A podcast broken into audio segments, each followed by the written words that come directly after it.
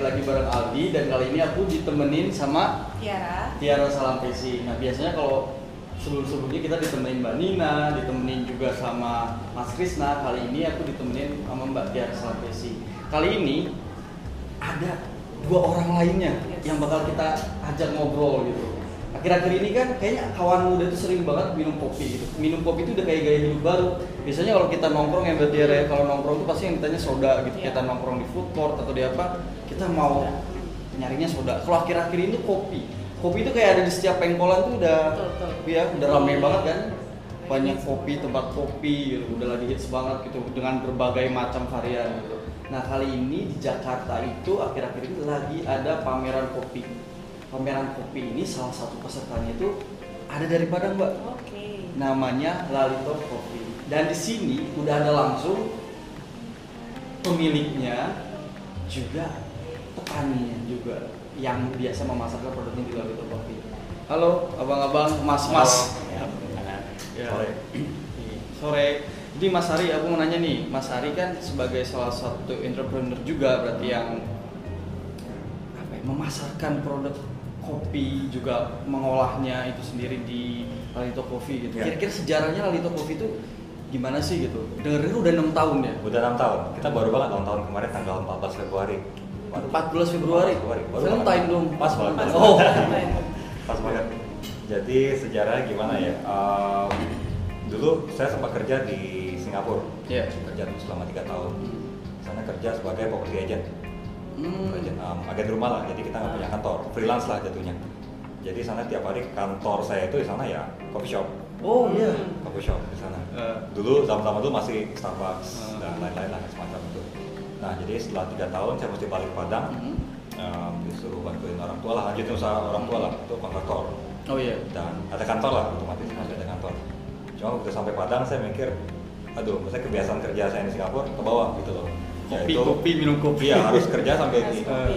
sambil ngopi harus di coffee shop. Dan suasana lebih Hmm. tidak seintens kerja di kantor gitu ya, lebih relaxing lah. Hmm. Ya akhirnya pas waktu itu di Padang nyari-nyari muter-muter jujur belum ada coffee shop yang presentable lah, Hmm. yang bisa duduk nyantai kerja gitu. Terus mikir wah saat kebetulan ada modal lebih, kenapa nggak bikin satu gitu loh. Udah dari sana udah bikin kecil-kecilan dulu sampai bikin Lalito Coffee. Lalito Coffee. Jadi bikin ya. Jadi kita kebetulan jadi salah satu coffee shop yang bisa dibilang presentable lah. Oh iya. Ya sebelum coffee coffee shop lainnya muncul lah gitu. Jadi buat kawan JB yang di Padang, karena kita waktu itu pernah juga nih, Jelajah Bineka itu pernah ngadain acara di Padang. Jadi buat kawan JB yang di Padang, mungkin bisa yang belum tahu Lalito Coffee bisa berkunjung juga ke Lalito Coffee.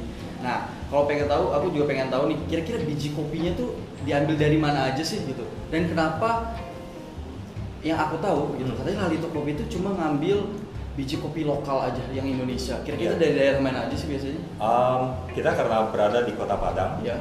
um, Sumatera Barat, Hmm. jadi sampai saat ini kita masih fokus ngambil kopi kopinya dari Sumatera Barat aja. Oh iya. Paling jauh Hmm. um, Gayo.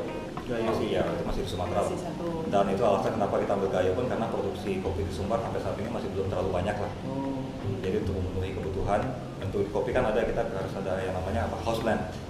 Iya. House blend untuk bikin house blend otomatis kita harus konsisten lah. Hmm. Produksi kita nggak mungkin hari ini pakai kopi A, Hmm. kopi A dan B kita kita blend nih. Ya.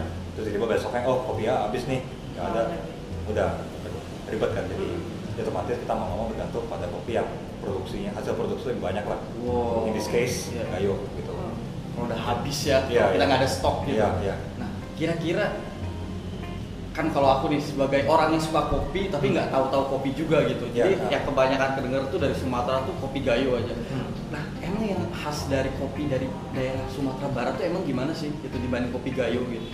yang Um, khasnya gitu. Kalau kopi Gayo itu dikenal sebagai um, di istilah kopinya bold kopinya. Oh, Bold itu itu bodinya tebal. Jadi untuk um, banyakkan orang peminum kopi yang sudah terbiasa minum kopi, kalau minum kopi tiba enteng agak susah terimanya gitu loh. Nah sementara kalau kopi Sumbar itu sendiri dia akan lebih kaya rasa um, citrus orang sebutnya, acidity-nya, asamnya asam. Oh, lebih asam ya? Iya. nah. dan cenderung lebih dia lebih ada asam citrus, ada rempah-rempah, rempah-rempah sama satu lagi lebih ke kayu apa uh, brown sugar Hmm. brown sugar Jadi cuman ya tiap daerah punya karakter masing-masing lah, punya keunggulan masing-masing lah. Cuman Sumbar buat saya, kenapa saya sampai saat ini masih bertahan di Sumbar? Ya karena saya mendukung produk lokal lah. Ya. Ya, saya ngerasa ketika saya Ya. memiliki apa sih? Ya pernah dengar pasti pernah dengar gitu dong kayak um, with with great power comes great responsibility lah. Jadi ketika saya merasa saya punya power lebih Hmm. untuk mengubah sesuatu menjadi demi yang demi yang lebih baik, ya kenapa tidak? Keren. Ya karena itu saya bantu ya petani-petani lokal lah, petani Sumbar terutama. Kan dengar-dengar kopinya dari petani langsung nih Pak. Nah kalau biasanya sebulan tuh bisa ngasilin berapa banyak sih, berapa kilo gitu biasanya? Kalau kita sebagai petani, kita mulai bertanam kopi di Pesamuan Barat itu mulai nanam kopi tahun 2015. Jadi sekarang ini kita lagi-lagi mulai mulai mulai berpanen. Oh. Mulai panen. Iya. Artinya dulu Pesamuan Barat daerah kita Timbu Abu itu belum mengenal itu namanya kopi arabica. Oh. Belum tahu itu kopi kopi arabica. Kita masih nanam kopi robusta, Hmm. misalnya kopi kampung, yang betul-betul betul kopi lokal yang beda jauh dengan kopi arabica. Hmm. Jadi kalau untuk produksi saat ini kita baru mulai panenannya baru tiga tahunan terakhir, Oh. baru-baru mulai panen dan kita sebagai petani itu untuk satu bulan itu baru bisa ngasilin green bean itu 100 kiloan, 100 kilo. 100 kiloan bersama petani-petani yang lain. Kita membina kelompok tani juga di bawah. Hmm. Itu tiap petaninya 100 kilo Pak. Enggak. Oh. Artinya seluruh Oh. kelompok tani itu kita kumpulin. Sekarang kita lagi sibuk dengan dengan adalah itu, dengan super itu. Hmm. Jadi kita ini lagi eh, mengajak para petani dan ingin masuk juga ke dunia trennya minum kopi nih orang-orang muda semua. Iya, anak-anak juga muda ingin mengajak kopi ya. kita petani ketua kelompok tani juga mau mengajak petani milenial yang terjun langsung kepada arabica. Hmm. Jadi bisa dikatain Pak Irwan ini supplier suppliernya Lalito ya bisa dikatain ya. kayak yang gitu gak? Iya. Ya kalau itu prosesnya gimana sih kan aku tuh cuma tahu kopi itu diminum gitu. Iya. Nah emang prosesnya dari Pak Irwan bisa sampai ke diproses di Lalito tuh kayak gimana sih sampai kita bisa diminumin para penikmat kopi itu? Sederhana, Pengolahannya. sederhana ya kopi dipetik, diproses, roasting, minum gitu loh. Hmm. Iya. Cuma sebenarnya proses jauh lebih panjang dari itu, jauh lebih kompleks lah. Iya. Ini kalau dipikir nggak ada habisnya lah gitu. Nggak ada habisnya. Nggak ada habisnya. Jadi kayak apa? Maksudnya kita sampai saat ini pun kita di kopi udah enam tahun. Hmm. Cuma jujur setelah enam tahun itu sampai sekarang pun kita berdua masih belajar gitu. Hmm. Jadi mulai prosesnya itu ya pasti dari pemetikan. Hmm. Tapi sebelum pemetikan itu adalah kita harus perhatikan uh, budidayanya lah. Iya. Gimana si kopi itu harus diperhatikan. Gimana si ranting itu harus ada yang di apa ya pak namanya di um, maksudnya tidak semua ranting itu harus ada di cipuan kopi itu. Ada yang harus dibuang gitu loh. Ada pemupukan seperti apa. Iya. Um, apa namanya shading shading tree harus ada pohon Oh, pohon jangan penaung. memperhatikan lingkungan juga Iya, ya. pohon Pohon harus ada gitu. Jadi jumlah matahari harus masuk tuh harus gimana gitu. Dia sampai akhirnya bisa dipetik, kemudian masuk ke proses pasca panen kan. Hmm. Pasca panen itu ada yang harus kopinya ada ada yang proses macam-macam proses lah. Hmm. Ada yang paling umum itu ada natural proses, Hmm. honey proses, semi wash, full wash gitu. Dan ini sekarang kita udah masuk di era orang sebutnya itu semacam third wave processing lah. Kan ada third wave coffee, ada third wave pro- processing sekarang. Itu udah masuk proses yang aneh-aneh lah. Nah, Jadi Ya, buat yang nggak tahu istilah-istilah itu bisa googling Iya, iya, dulu. iya. Oke, Soalnya pasti panjang banget. tapi tapi teknikal sih. Cuman ya setelah proses kita si kopi diproses, Ya. itu dikeringkan setelah rata-rata sampai biasa mulai dari proses itu pemetikan sampai jadi green bean itu Ya. dua tiga minggu Dua tiga minggu. dua tiga minggu itu sampai dikirim ke Padang Ya, gitu. Padang kita roasting kita sangrai di sangrai harus tunggu waktu 4 sampai satu minggu sampai baru akhirnya bisa digiling dan di situ lah panjang sih kalau saya mau lanjut masih bisa sih. Terus sampai sejauh mana sih Pak kopi-kopinya disalurkan atau Ya, dipasarkan. dipasarkan selain di Padang? Hmm. Sampai mana? Kalau kalau saya sebagai petani Hmm. sampai saat ini ke Lalito. Oh, partnernya ke Lalito. Oh, Iya. Partner. Ya, soalnya sampai sekarang ya namanya produksi kan masih belum banyak. Hmm. Masih pasang berat masih sedikit, sedikit lah. Ya sampai sini masih kita tampung semuanya. Ya berapapun Pak Irwan ada Ya. kita kita beli. Komitmen kita itu lah dengan Pak Irwan. Jadi Pak Irwan um, kita bina semua peralatan-peralatan pendukung kita kasih dom rumah Iya. bowling peralatan lain kita kasih tapi dan kita komit kopi dia kita beli semua tuh Hmm. kita beli semua sampai sejauh ini kita lempar paling teman-teman sih beli di sekitaran Padang ada teman Hmm. mau cuma cuma di Medan Hmm. nah kita harapan kita ikut event di Jakarta ini ya supaya kopi dia lebih kenal di Oh, seluruh iya. Indonesia lah gitu Lalito, iya Lalito. Wah, Lalito kan udah enam tahun nih. Nah. Nah kira-kira ada nggak sih perbedaannya dari tahun ke tahun? Apalagi tren tren anak muda sekarang Iya. tuh kopi tuh jauh Kopi udah lebih apa Ya. jadi, jadi Kayak gaya hidup juga gaya hidup juga gitu. Karena anak muda zaman sekarang nggak suka kopinya tuh nggak ngerti kopinya yang penting posting lagi di coffee Iya, shop iya. tuh udah keren banget gitu. Iya. Nah itu ada bedanya nggak sih gitu? Ada, ada dari tahun ke tahun gitu. wah 6 tahun ya jadi kita mulai 2014 Iya 2014. jadi itu 2014 itu mulai buka coffee shop kita bisa sebut specialty lah Specialty. ya kita sebagai specialty, specialty coffee shop kan jadi 2014 ke 2016 itu dua tahun itu kita masih tahap-tahap edukasi sampai sekarang masih edukasi sih cuman dua tahun pertama itu orang sampai nggak ngerti yang namanya espresso Iya. Hmm. ya ketika mereka pesan espresso mungkin karena harga paling murah kan ketika datang mereka komplain "Oh, kok dikit udah dikit pahit lagi sempat ada yang komen di uh, Iya. Aduh, Iya. Ada yang aku sekali. banget sih, aku Iya. banget itu aku banget. Iya, itu sempat. Sampai ada yang nanya pesan di 60 Iya. Aeropress gitu. Hmm. Tapi datang, eh kok yang datang kopi? Kan saya pesan Aeropress gitu, atau di 60 gitu. Kalau di 60 kan cara seduhnya gitu. Iya. Gitu lah. Sampai akhirnya masuk 2016 Eh. itu sudah orang udah makin udah kenal lah. Iya kopi ya udah tahu. Iya, itu berasa banget sih. Jadi ketika Hmm. orang datang kafe kita, orang pesan, oh saya pengen ini dong Single Origin ini, pengen kopi Iya. Pasaman Barat, pengen kopi apa gitu. Seduhnya pakai Zixi ya, pakai Iya. Aeropress ya. Udah mulai paham.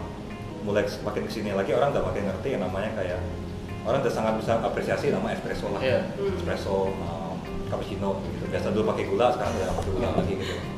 Itu Udah, pengalaman aku banget sih itu. Iya. Kopinya Aku zaman mahasiswa, ya zaman zaman mahasiswa itu aku pernah beli lihat kan di menu tuh paling murah espresso di, di Bandung nggak tahu ya Iya. di tempat lain espresso mahal atau gimana tapi di Bandung tuh paling murah espresso lima belas ribu Iya. Karena lagi akhir bulan mahasiswa udahlah beli yang paling hemat.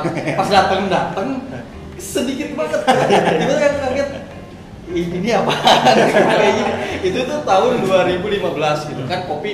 Aku juga kalau sekarang saya jauh, jauh lebih tahu kan espresso tuh kayak gimana. Tapi 2015 tuh yang orang baru-baru gitu lagi ngetren minum kopi dan cari yang paling murah pas dateng kok kayak gini cuk? 15 ribu tuh emang dikit banget pas aku minum kan ditanya kan ini mau du kayak kayak kadar ini dua shoot atau apa Oh, gitu eh, pas aku double shoot atau double shoot atau apa ya shoot. kok pusing gitu dan itu nggak bisa ngarahin kopi kalau sekarang kan nyari espresso tuh bukan karena murahnya emang lagi Iya. lagi pengen biar. Iya, iya. benar. biar lebih apa ya biar lebih melek gitu Lebih melek, lebih strong ya, lebih strong biasa. Hmm. Sama kemarin kan di pameran Jakarta tuh kopinya kemas di keranjang. Iya. Kalau boleh tahu nih apa sih namanya Pak? Kalau kami Heeh. di kampung itu Timbu Abu, ini namanya kumbuah atau kata lainnya adalah sama dengan gerindiang. Oh, Gerindiang. Gerindiang, Gerindiang. gerindiang. Jadi ini kebiasaan nenek-nenek kita dulu kan umur 60 70-an, Hmm. 70-an, 60-an lah. Jadi di sana nih nggak ada apa kan wadah tempat Oke. kayak di sini.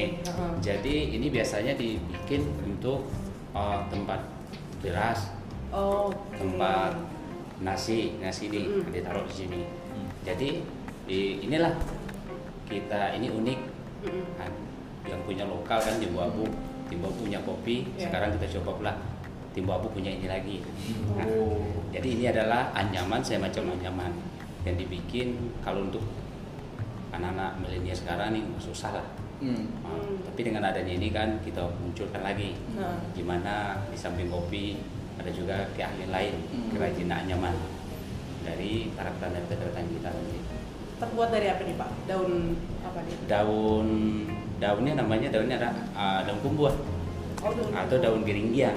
Jadi di Oh. dianyam kayak gini maka dibilang ini kumbuah. Ini geringgiang. Ini kebetulan ini kebetulan aja ini tempat beras. Ada lagi kayak itu. Oh, Ah, tas gitu. tas. Oh, Nah, ada juga tas. Oh, ukurannya jadi ada Nah, ada ber- bermacam-macam, beragam-ragam. Oke. Ada kayak dompet gitu. Banyak. Kalau boleh tahu pengrajinnya siapa nih Pak? Kalau perlu tahu eh, nama pengrajinnya ini di di kampung namanya itu adalah eh, Ibu Ima. Oh, Ibu cuma Ima. satu. Banyak kalau kampung Oh. kita banyak di sekitar kita itu banyak. Tapi ini buatan Nah. Ibu Ima. Wow. Jadi memberdayakan masyarakat sekitar juga ya. Tadi berarti Lalito Kopi itu bukan cuma memberdayakan petani gitu, tapi juga memberdayakan apa pengrajin. Pengrajin yang pengrajin. Terakhir, aku mau nanya ini buat mereka berdua, buat Mas Ari Arthur, Arthur Ari, Arthur Ari. Arthur Ari, sama Pak Irwan. Iya. Kira-kira harapannya apa nih dari perkembangan kopi sekarang tuh yang lebih digemarin tuh ke depannya harapannya apa lagi? Apakah anak muda harus lebih banyak minum kopi atau anak muda kira-kira harus lebih mencintai kopi lokal atau Hmm. bagaimana pendapat? TikTok. TikTok. Ya? Boleh Mas Ari dulu. iya. Hah? Saya dulu. Ari, eh. Oke. Em, apa ya harapan saya sederhana sih sebenarnya. Maksudnya kenapa kenapa saya kan jatuh saya sebagai sekarang kalau ada turun ke langsung ke kebun kopi kan Ah. bisa sampai sana seminggu dua minggu di sana dan jujur betah banget sih. Hmm. Saya di, sana sebagai prosesor lah, Ya. prosesor kopi dan saya bantuin bina Pak Irwan transfer ilmu lah supaya Pak Irwan bisa ngelakuin hal yang sama nantinya. Harapan saya sederhana sih, saya pengen saya punya mimpi kopi Sumatera Barat dikenal oleh dunia Oh. gitu. Saya saya nggak akan berhenti sampai oh dikenal di Padang nih, oh dikenal di Jakarta. Saya pengen seluruh dunia tahu oh kopi Sumatera Barat enak gitu. Dan itu dicari. Dan sekarang ya saya benar-benar fokus ke kualitas dulu. Nanti kemudian perlahan nanti akan ke kualitas lah. Tanpa mengorban, mengorbankan kualitas nantinya. Oh. Ya. Visinya gede banget ya biar Iya. kopi lokal di Sumatera Barat Iya. bisa dikenal orang-orang. Kalau dari petaninya langsung. Ah. Kalau kita berani langsung saya ingin merubah kebiasaan masyarakat itu kan yang dulunya kopi arabica ini dianggap ini kopi yang nggak pernah artinya nggak bisa lah di daerah Timbu Abu ini ditanam Nah, gitu, ditanam. dibudidayakan. Ya, Oh, iya. karena kopi kopi kopi ini di Timbu Abu masyarakat itu beranggapan ini kopi untuk orang luar negeri ini Arabica. bukan iya ini bukan kopi kita Iya. ketika nanti dijual di sini siapa yang beli jadi dengan adanya ini kita ingin mengajak seluruh masyarakat yang ada sekitar di situ biar uh, mereka itu mau bertanam kopi ekonominya bagus dan para para uh, apa nih para anak-anak mudanya juga mau jangan lagi pergi ke rantau. Di daerah kita ada tanah yang subur bagus kita kembali ke kopi kita tanam kopi. Dan saya ingin menjadi orang yang itu yang bisa memberikan sokongan dukungan artinya transfer dapat ilmu saya juga ingin transfer ilmu itu kepada masyarakat supaya mendapatkan kopi yang lebih baik Ih, Keren banget ya. Keren banget dua-duanya sama-sama punya visi buat ngebesarin gitu. Iya, daerah sendiri. Daerah sendiri. Oke. Kalau gitu kawan JB, terima kasih udah ngedengerin obrolan-obrolan kita tadi. Jangan lupa buat follow podcast kita di JEBI di Spotify. Juga jangan lupa juga follow Instagram kita @jelajahbineka. Dadah. Ya.